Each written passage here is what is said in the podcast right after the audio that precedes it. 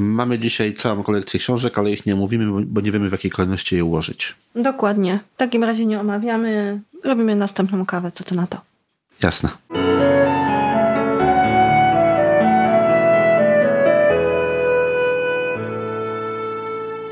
W ogóle powinniśmy wynaleźć sobie jakieś urządzenie, które będzie nam e, parzyło kawę, niekoniecznie będące kawiarką. Zresztą to też jest mój wynalazek, bo ona jest złożona z dwóch kawiarek. No wiesz, wiele urządzeń moglibyśmy wynaleźć i bardzo by nam się przydały. Więc to jest bardzo autorska kawiarka, ale żeby jeszcze wlewała do kubków. Czy masz na myśli ekspres? Nie, żebym nie musiała wkładać tam kubka, żeby to się wszystko samo działo, samo to się taki wydarzało. automat taki na, na dworcach Tak, taki stoi. podajnik. Taki podajnik z Ale taśmociągiem. taki wrzuć monetę? Nie, bez monety. Do domowego użytku. No to nie umiem. Witamy w 60. odcinku podcastu Co się czyta. Krystian Zych? Joanna Furda. Dzisiaj rozmawiamy o wynalazkach. Maszyn do kawy również. Maszyn do kawy również, ale Zaraz coś tutaj wynajdziemy. Chyba coś zaraz wynajdziemy. Jak na razie wynaleźliśmy cztery książki. Tylko cztery. Cztery, wyjątkowo skromnie jak na nas, ale też e, są to pozycje dość mocno wyselekcjonowane, które dotyczą wynalazców i wynalazków oraz wszystkiego, co doprowadziło do danego odkrycia. Pierwsza na tapecie Wielcy wynalazcy Marcina Przewoźniaka. to jest akurat pozycja zielonej sowy i z niej możemy się dowiedzieć bardzo wielu rzeczy o wynalazkach i wynalazcach, ale przede wszystkim możemy się też dowiedzieć na samym początku, czym ten wynalazek jest. I kim właściwie jest wynalazca. Czy wynalazca to jest jakiś konkretny zawód, jak myślisz? Wiesz, myślę, że chyba byłoby ciężko, Żeby być, e, żeby być, za- zawodowym zawodowym wynalazcą. wynalazcą. Możliwe, że mogłoby nie starczyć pomysłów na całe życie, bo często No to właśnie, jest no jeden właśnie. wynalazek na jednego wynalazcę. No, nawet powiedzmy, że jest ktoś, nie wiem, wyjątkowo twórczy, wyjątkowo kreatywny i wynalazków na koncie ma powiedzmy kilkanaście, no to i tak na całe życie to troszkę, troszkę może być mało. No, mamy tutaj przykład najbardziej e, wynalazczego malarza na świecie, czyli Leonardo da Vinci, który zaprojektował wiele, no dobra, okej, jemu się wiele udało. maszyn, jemu tak, się udało, ale tak. tak naprawdę najbardziej znany jest z obrazów, bo weźmy pod uwagę to, że chociaż to były bardzo odkrywcze myśli, to jeszcze pytanie, czy to działało i czy to działało wtedy. No wiesz, on helikoptery, które wymyślił, przecież stworzono wiele, wiele, wiele lat później, nie? Bo za jego czasów się nie dało. Także no właśnie, na ile on był wynalazcą, a na ile był... Myślicielem, kimś, kto właśnie daje to, zażywie tą iskrę. No właśnie, No co właśnie. chciałem powiedzieć. Tutaj możemy się na przykład dowiedzieć, że wielkie wynalazki nie mają tak naprawdę ojców. Gdyby, Właśnie chciałem spytać, czy to wynalazkowo. gdyby ktoś zapytał o to, kto skonstruował pierwszy samolot, żarówkę, radio lub spinacz do papieru, znalezienie odpowiedzi zabrałoby zaledwie kilka minut. Wystarczy sięgnąć do najbliższej encyklopedii albo internetowej wyszukiwarki. Banalnie proste. Istnieją jednak przedmioty tak stare jak ludzkość. Ich autorzy pozostali i pozostaną na zawsze nieznani. I tu właśnie jest to zapewne twoje koło w tej puli, e, również kamienne topory czy łuki. Nie da się ukryć, że łuk jest przełomowym wynalazkiem, ale nie znamy tutaj autora e, tego wynalazku. No w żadnej jaskini nie podpisał się na, na tym, na obrazie, na, na ścianie. No nie, rzeczywiście nie. Ta książka daje nam taki pełen ogląd historii wynalazków. Mamy tutaj też e, oczywiście o Twoim kole, kiedy to historia ludzkości zaczyna się naprawdę toczyć.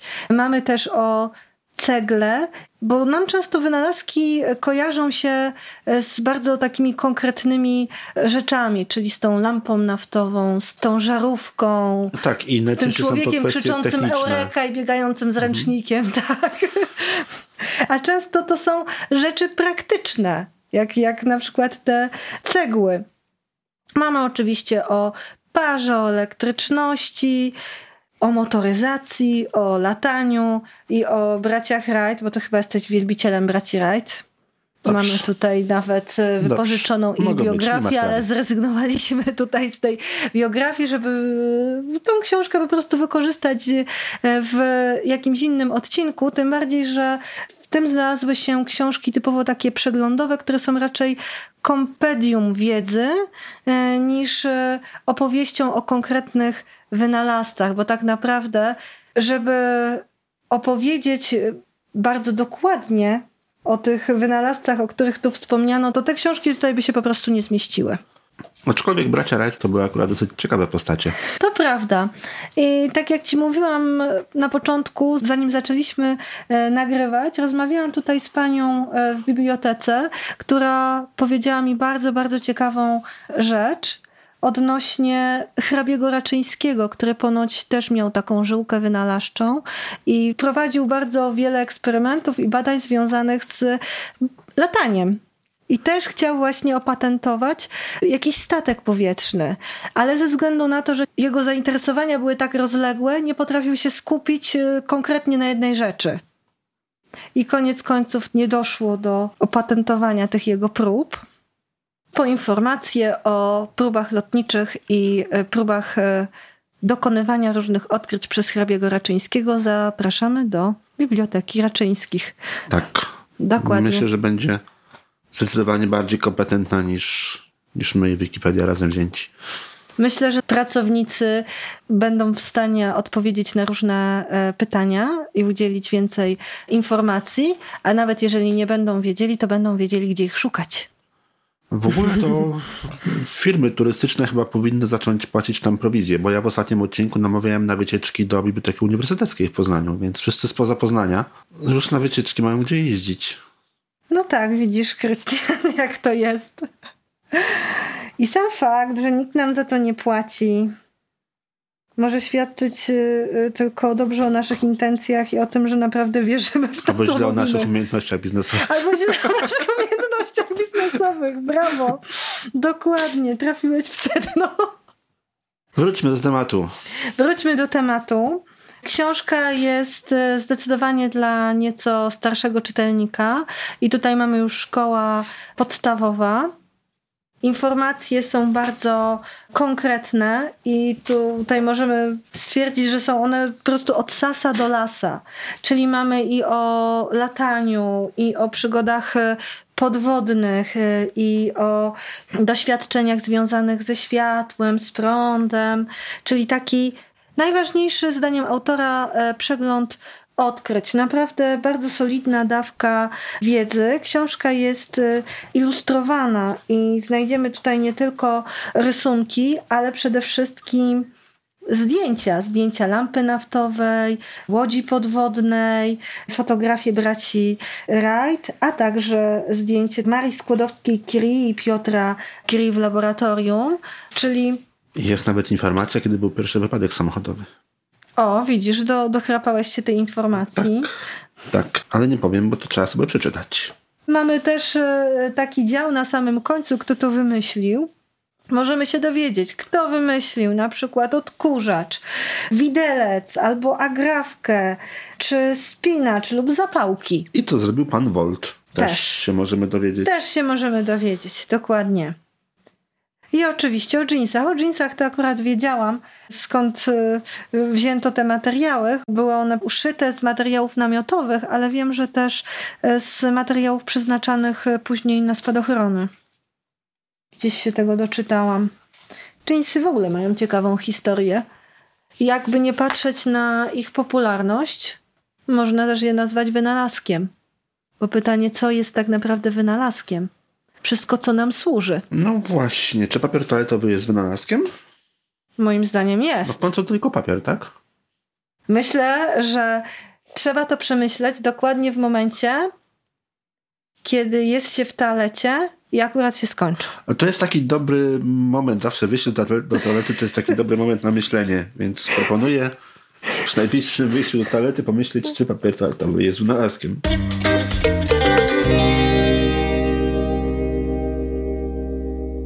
patent. No. I dlatego zaczęłam tak mówić o tych spinaczach i o tym, o tym daliśmy się w tą niebezpieczną dyskusję o papierze toaletowym. Tak. Mamy tutaj książkę wydawnictwa dwóch sióstr, ale patent Księga Niewiarygodnych Wynalazków Małgorzaty y, Mycielskiej, a ilustrowana przez y, bardzo znaną parę ilustratorów Aleksandrę i Daniela Mizielińskich. No właściwie jest to, można powiedzieć, ciąg dalszy, czy też może... Wydawnictwo Dwie Siostry. Dla mnie to jest zupełnie mm, inne spojrzenie na wynalazczość. No tak, ale jest to, jest to książka bardzo mocno uzupełniająca tą, którą przed chwilą przeglądaliśmy. Tak. Tak, w dużym stopniu też, ale bardzo mi się e, podoba to takie innowacyjne podejście i spojrzenie na to, ile tak naprawdę próbowano tworzyć wynalazków, ilu wynalazków znalazło się w urzędzie patentowym, na przykład nawilżaczy znaczków pocztowych z wysuwanym językiem, czy ochraniasz psich uszu, żeby te uszy się tam nie majtały w jedzeniu, już pomijając ten filtr bąkowy. To są wszystko patentowane wynalazki. I bardzo zainteresowała mnie tu informacja, że istnieje prawo do wyłącznego korzystania z wynalazku przez określony czas, czyli ten patent, i to jest w Polsce 20 lat, a potem gdy upłynie termin ochrony patentowej, czyli te 20 lat to jest dla autora, żeby mógł produkować swój wynalazek i sprzedawać, a następnie po tym upływie tych 20 lat z pomysłu mogą korzystać wszyscy. Takie bardzo głośne patenty, które niedawno powygasały, to są patenty na klocki Lego. Klocki Lego miały opatentowane kształty i sposób mocowania ich jeden drugiego i te patenty niedawno w ostatnich latach wygasły. To właśnie było bardzo bardzo głośne, bo powstało mnóstwo firm, zresztą polskie są chyba ze trzy, nie licząc tych gdzieś w innych końcach świata, które właśnie zaczęły naśladować teraz Lego i robić takie same klocki, a nawet pasujące. Kompatybilne, tak, ja też już no. trafiałam no. na te klocki. Jest, jest ich kilka rodzajów, niektóre całkiem nie, niezłe jakościowo, no ale pomijając teraz klocki, właśnie to były takie najgłośniejsze ostatnie patenty chyba, które wygasły, a moim zdaniem w ogóle najlepszym, najbardziej pomysłowym, najwspanialszym patentem, na jaki ktoś mógł wpaść, to była igła do maszyny do szycia. Z tą dziurką. Patent jest tak skonstruowany, że jest opatentowana tylko i wyłącznie igła, która ma dziurkę po tej ostrej stronie. Aha. I w tym momencie Zinger zapewnił sobie tak naprawdę, no, można powiedzieć, wyłączność na rynku w skali światowej to był moim zdaniem jeden z najgenialniejszych w ogóle patentów, z jakimi kiedykolwiek się spotkałem. Właśnie igła, sposób, sposób opisania igły do maszyny do szycia.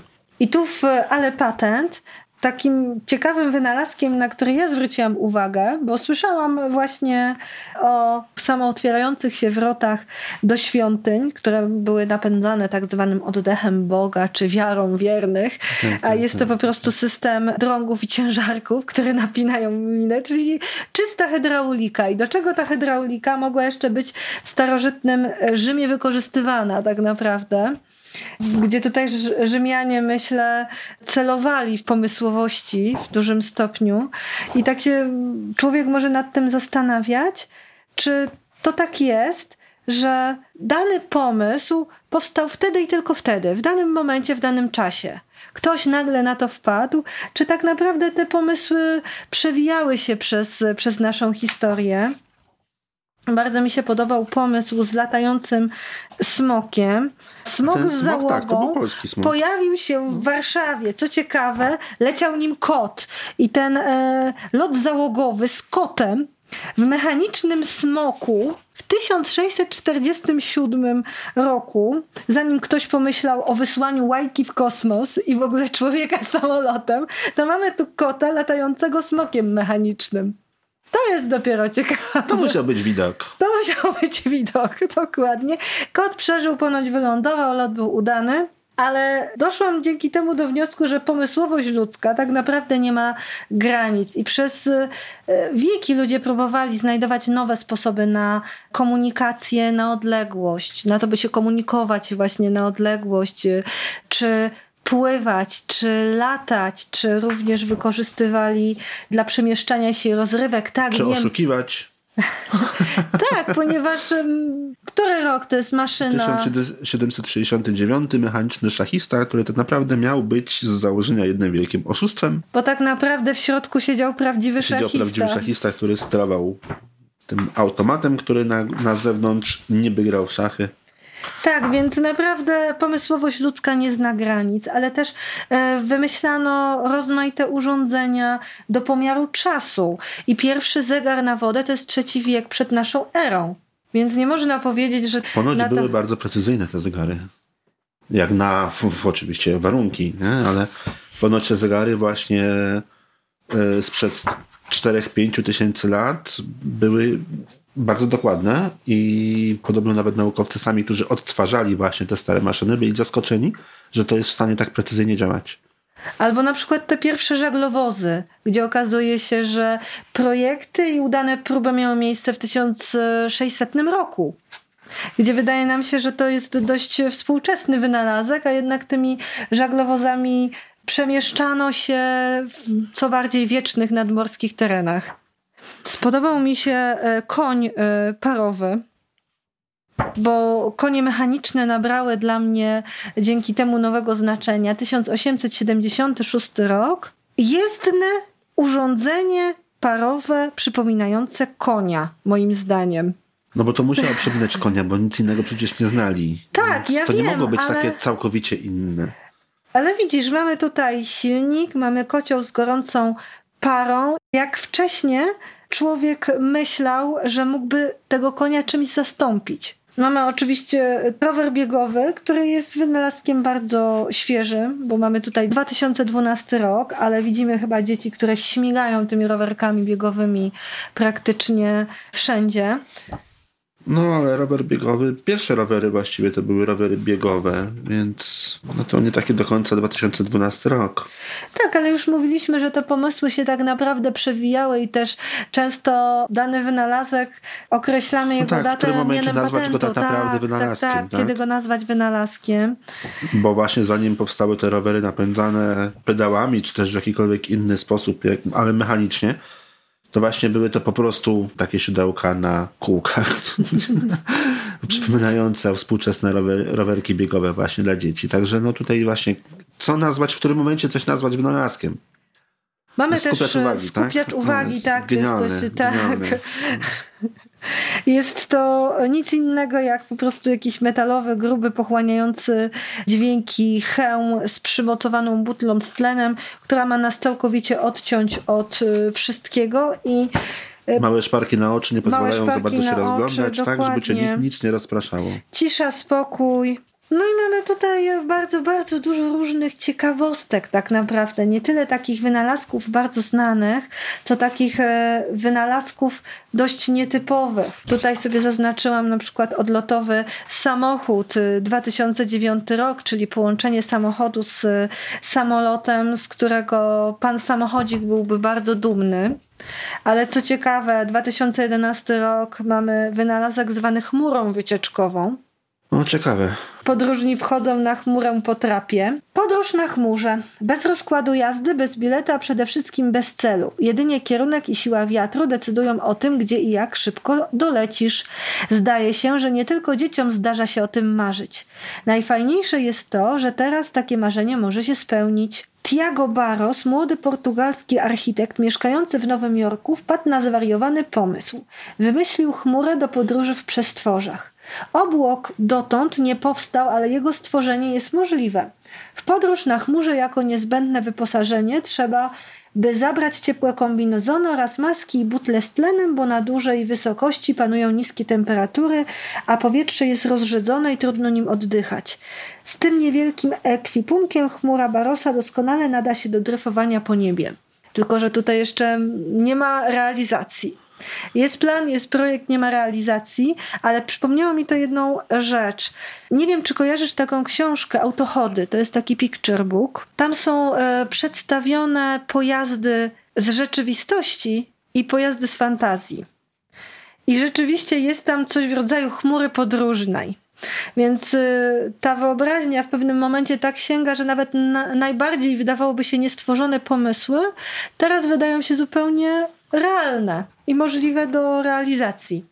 Zaznaczyłam sobie też rower, który by się spodobał IT. Mamy tutaj latający rower. Problem polega na tym, że chociaż rower lata, energii w baterii wystarcza zaledwie na 3 do 5 minut lotu. To taki pierwszy werset drona, krótko mówiąc, tak? no ale taki załogowy. Tylko jak rower, to tutaj ta bateria powinna być y, doładowywana pracą ludzkich mięśni, moim zdaniem, bo inaczej nie ma tu. No inaczej to nie jest rower. To już nie jest rower, dokładnie, to już nie jest rower.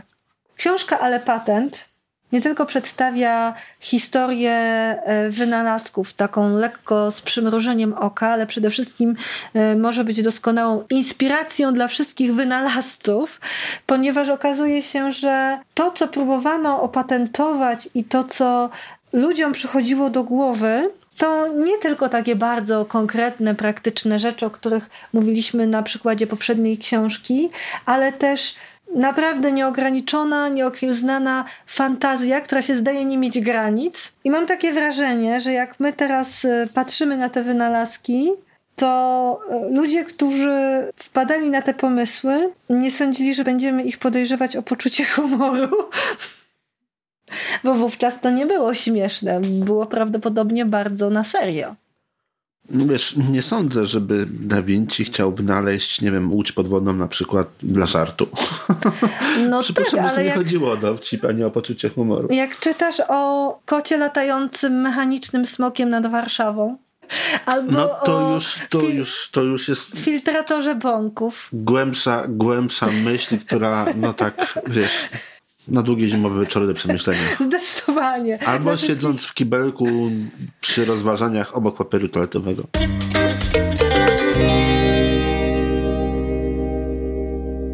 Teraz mamy coś o Polakach.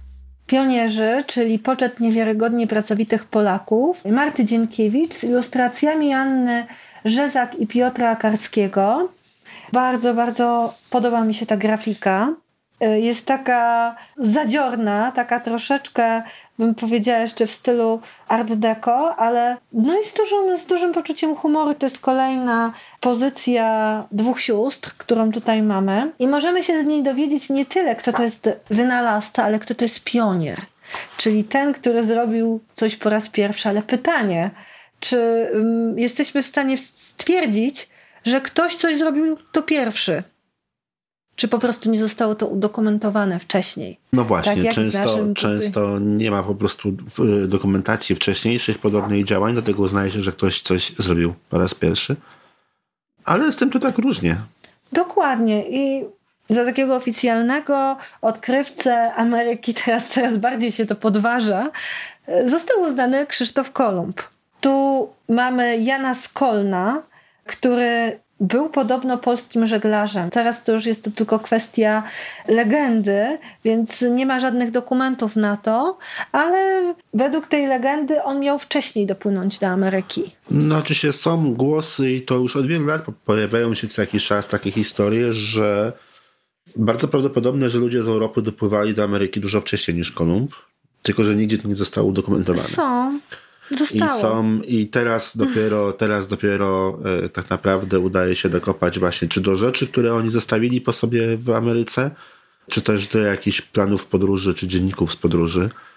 Ja myślę, e... że po prostu niektóre dowody nie są uznawane za dokumentację. Zaraz ci powiem o jednej rzeczy. Tylko dokończ właśnie. To jest możliwe, możliwe, ale to jest jeszcze, jest, jest jeszcze jedna kwestia, bo czasami uznaje się, że, że pierwszy coś zrobił ktoś, o kim się najwięcej mówi. Wiele też było takich sytuacji, było, gdzie, będzie.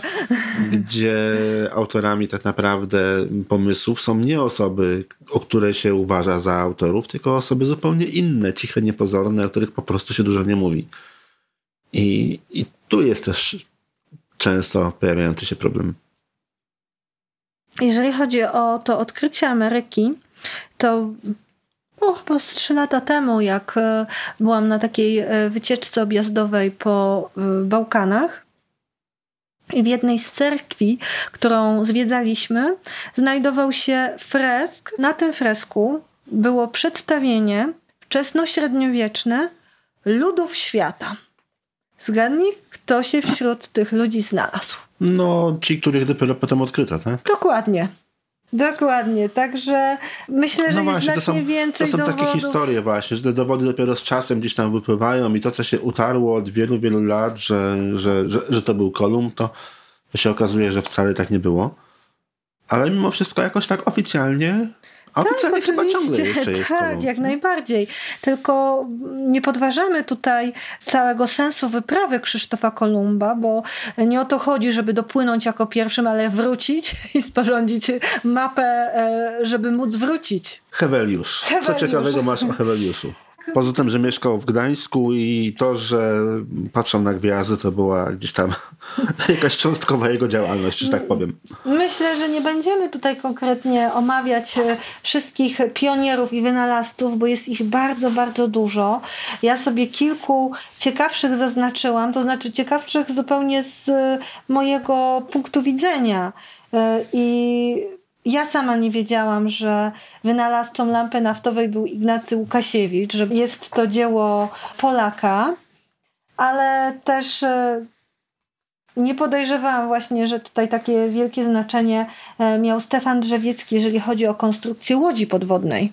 O ile poprzednie nazwisko jest mi dobrze znane, o tyle tego też nie znałem. Dotrzeć tam, gdzie jeszcze nikt nie dotarł. Oto wyzwanie dla prawdziwych odkrywców. Należał do nich z pewnością Stefan Drzewiecki, który skonstruował pierwszą w historii łódź podwodną napędzaną siłą ludzkich mięśni, czyli nie rower wodny, tylko rower podwodny. Łódź ta była jednoosobowa i podczas pierwszego pokazu w 1877 roku wsiadł do niej sam konstruktor – i na oczach publiczności przepłynął pod okrętem wojennym zacumowanym w porcie w Odessie. Nie wiedziałam o tym również, dlatego też mnie tak bardzo zaciekawiła jego osoba. Ale poza takimi wynalazkami bardzo spektakularnymi, możemy się dowiedzieć, że Zygmunt Wróblewski był tym fizykiem, który uzyskał po raz pierwszy ciekły tlen więc nie mówimy tutaj o takich e, wynalazkach konkretnych, a może raczej o odkryciach, które przyczyniły książce, się do wielu, wielu innych odkryć. W tej książce pojawia się nazwisko na przykład Kazimierza Nowaka, tak? który nie był wynalazcą.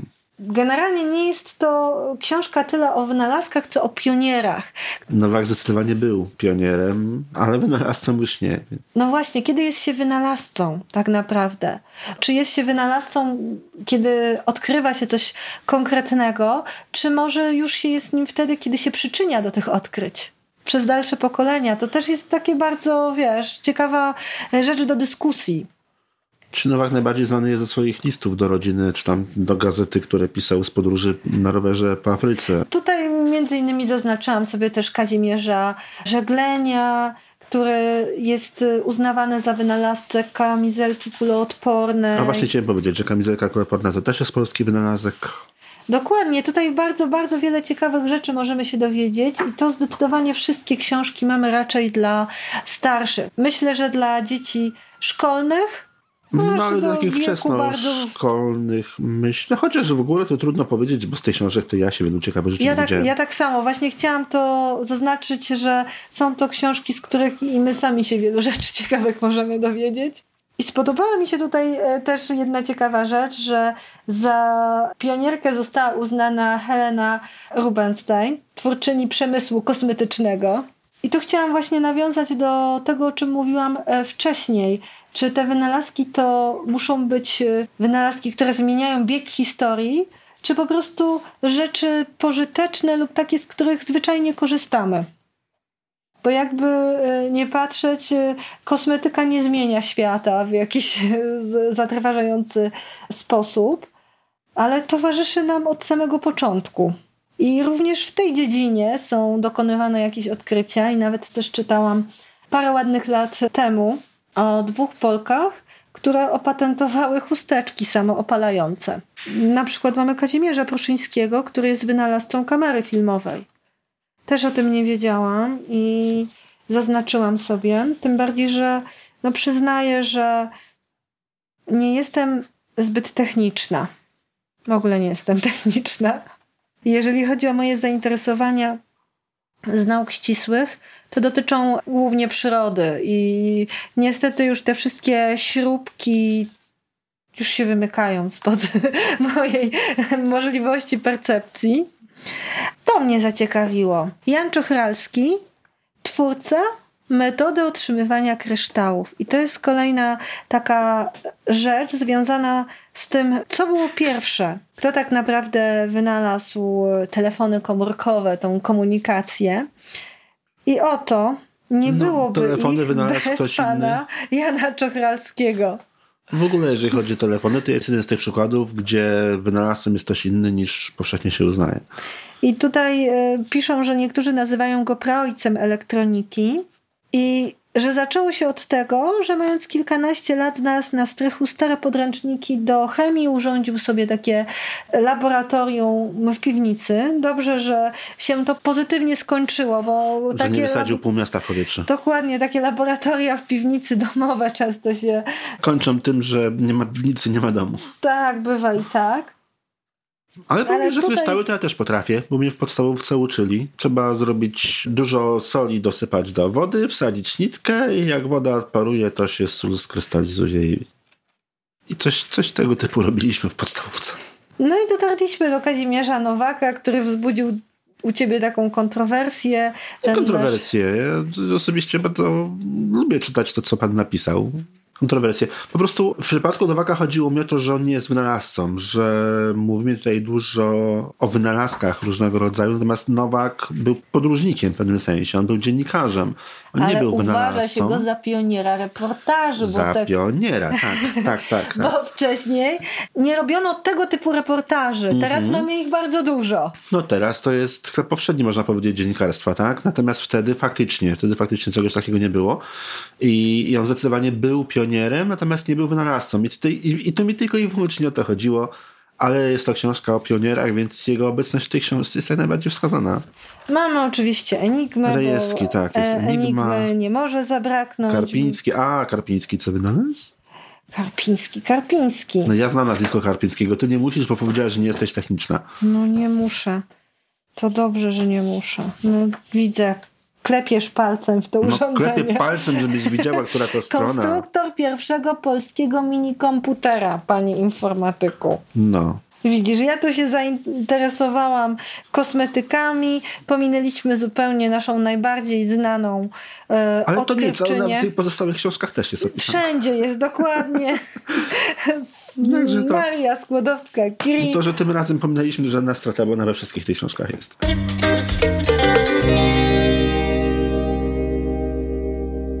Ostatnia pozycja. Bardzo ilustrowana historia, ale reszty już nie widzę, bo mi Bardzo zasłoniłaś ilustrowane palcem. historie, wynalazki, nauka, astronomia. I jest to taka mała encyklopedia o historii wynalazków i znów mamy, co to jest wynalazek. Możemy oczywiście porozmawiać o wynalezieniu koła, bo koło też było tutaj tym, e, od czego to W wszystko tej się książce zaczęło. też wynaleziono tak. koło, tak? Tak, w tej książce również wynaleziono koło, ale mamy tutaj takie podziały na transport lądowy, na sztukę latania, na wynalazki w dziedzinie kuchni, czy takie udogodnienia dla domu, komunikacja, O, to także może, moda. może będzie twoja maszyna do robienia kawy, która jak się uparłaś nie jest ekspresem. Chyba nie ma, bo jest publikacja, taka propos papieru toaletowego, żarówka, oświetlenie, mikrofale, odkurzacz i zmywarka do naczyń. Chyba nie będzie nic o kawie. Chyba Ech. musimy zrobić osobny odcinek odnośnie kawy, Nie musimy zrobić ale jest o urządzenie. jeansach. Jest o jeansach, rzepach, zamkach, również o odkryciach w dziedzinie medycyny, No rzepy, pisma. no to przecież był doskonały wynalazek. Informacji jest ogrom. Ilustracji też jest bardzo dużo, ale te informacje są bardzo, bardzo konkretne. Powiedziałabym, że tutaj już nie mówimy o dzieciach e, wczesnoszkolnych, tylko Tak z, no, z 8, 9, tak przynajmniej, nie? Tutaj w tej książce. tak, zdecydowanie. Tym bardziej, że e, informacje są e, bardzo konkretne. Ale ja chcę przejść do mojego ulubionego działu, który mi się e, skojarzył tutaj z książką Ale patent. Bo gdzie ja go tu A co tam znajdę? dinozaur robi? Co dinozaury wynalazły? Ponieważ mamy też historię nauki. Historię nauki i historię astronomii, bo Okej. nie jest to tylko historia wynalazków, No okej, ale w mamy porządku. też naukę i Z mojej astronomię. odległości, wiesz, widzę obrazki, ale tekst już nie bardzo. Dobrze, bo tak przejęłam e, samolubnie tą książkę. Zaraz ci ją oddam na Oj, kolana. dobra, dobra. No bo zazwyczaj mamy dwie i jednak e, No jesteśmy w mieliśmy stanie... zdublowane, tej już nie. O, i są żółte karteczki. Krystian zawsze w- znajdzie w każdej książce coś dla siebie, coś praktycznego, coś takiego... Post-ity. No bo ja lubię takie. Znaczy ja nie używam żółtych karteczek. Nie używam z jednego banalnego powodu. Jak ich nakleję na monitorze za dużo, to albo zaczynam je ignorować, albo zaczynam mi zasłaniać to, co jest monitorze. I igno- ignorować się już ich nie da. Wtedy ig- ignorować się ich nie da, wtedy je przeklejam albo zdejmuję i generalnie kończę tak samo, czyli po prostu z nich nie korzystam. Bo jak wisi tam jedna karteczka czy dwie, no to jeszcze jest ok, a jak wisi ich za dużo, to po prostu już w pewnym momencie no, tak jestem przyzwyczajony do tego, że te karteczki tam są, że po prostu je całkowicie ignoruję. Ale no tak, no w tej, w tej książce są też również i post-ity, które powstały całkowicie przez przypadek, bo miało powstać coś zupełnie innego. A gdzieś była pierwsza bateria, w której... A, to nie w tej książce, dobra, to nie ważne. Zamiast omawiać, to my szukamy takich rzeczy, które nas interesują. Zauważyłeś? To jak? Mhm. takie dzieci. Dostały książki Duma, do gruźlica, malaria, cholera, odra. Mniam. Powiedział Ludwik Pester. Przynajmniej na obrazku. No co? No to właśnie fajnie, że, że szukamy fajnych rzeczy. No. No też tak uważam, tak? Tylko Ale tutaj jest mnóstwo fajnych rzeczy. Życie na orbicie. O proszę, nie chciałabyś wlecieć w kosmos? Na Nie. takiej drabinie chcę połazić? nie, Nie? nie. Nigdy mnie to nie interesowało. Ja bym się bał tak wysoko, ale... Ale to mogło być ciekawe przeżycie. Lubię podróże, ale wolę pozostawać na ziemi. Mimo wszystko. No dobrze. Mogę się e, wybrać tutaj z panem, o którym nie wspominałam, a który jest e, bardzo ciekawym. Też e, nie wynalazcą, tylko bardziej pionierem. Z panem Bronisławem Malinowskim, albo raczej śladami pana Bronisława Malinowskiego, który był antropologiem i etnologiem. I zamieszkał wśród dzikich plemion. Nie wiem, czy wśród dzikich plemion bym chciała zamieszkać i nie wiem, czy jeszcze możemy mówić o dzikich plemionach, ale chętnie zamiast chodzić po orbicie, Już teraz nie pamiętam, się ale... na taką bardziej botaniczną wyprawę. Nie pamiętam w której książce, chyba w tej książce Pionierzy było, że podobno w Chile bardzo lubią Polaków ze względu na jednego z naszych pionierów, który tam kiedyś się bardzo mocno wsławił. No to powiem ci, że tu wśród chrześcijan y, w Kairze, czyli wśród koptów, też jest y, znane polskie nazwisko. Jak y, Polacy zwiedzają tamtejszy bardzo znany kościół wykuty w skale i jak się przyznasz do tego, że jesteś Polakiem, to wszyscy krzyczą Mariusz, Mariusz, Mariusz.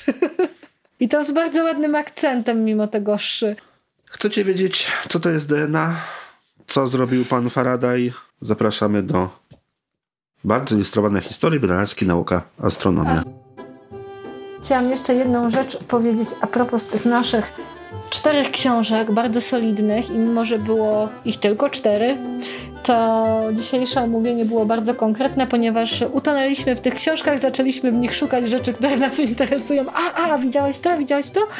A to, a to? To znaczy, że prawidłowo zadziałały te książki. Tak, to jest Bo po chyba pierwsze. na tym polegają tego typu książki. Ale pomysł tego odcinka zawdzięczamy pani z filii z biblioteki, do której chodzi Krystian i też I musimy znowu ta, wspomnieć. sama, znowu ta sama pani Ania, którą już w poprzednim odcinku też wspominałem. Też zawdzięczaliśmy jej kontakt właśnie z, z doktorem Traczekiem, z którym miałem okazję rozmawiać. I też podsunęła nam pomysł na dzisiejsze książki, no, w których tak utonęliśmy. Dokładnie. Także pani Ani dziękujemy i zapraszamy do słuchania i A przy, czytania. a przy okazji, jak będziecie w Poznaniu, to spytajcie o Raczyńskiego. Tak. I jego wynalazczą żyłkę i różne pomysły, które mu przychodziły do głowy. Może niekoniecznie ten z armatą, Nie z tego z armatą. no ale reszta jak najbardziej. Dokładnie. Do usłyszenia. Zapraszamy.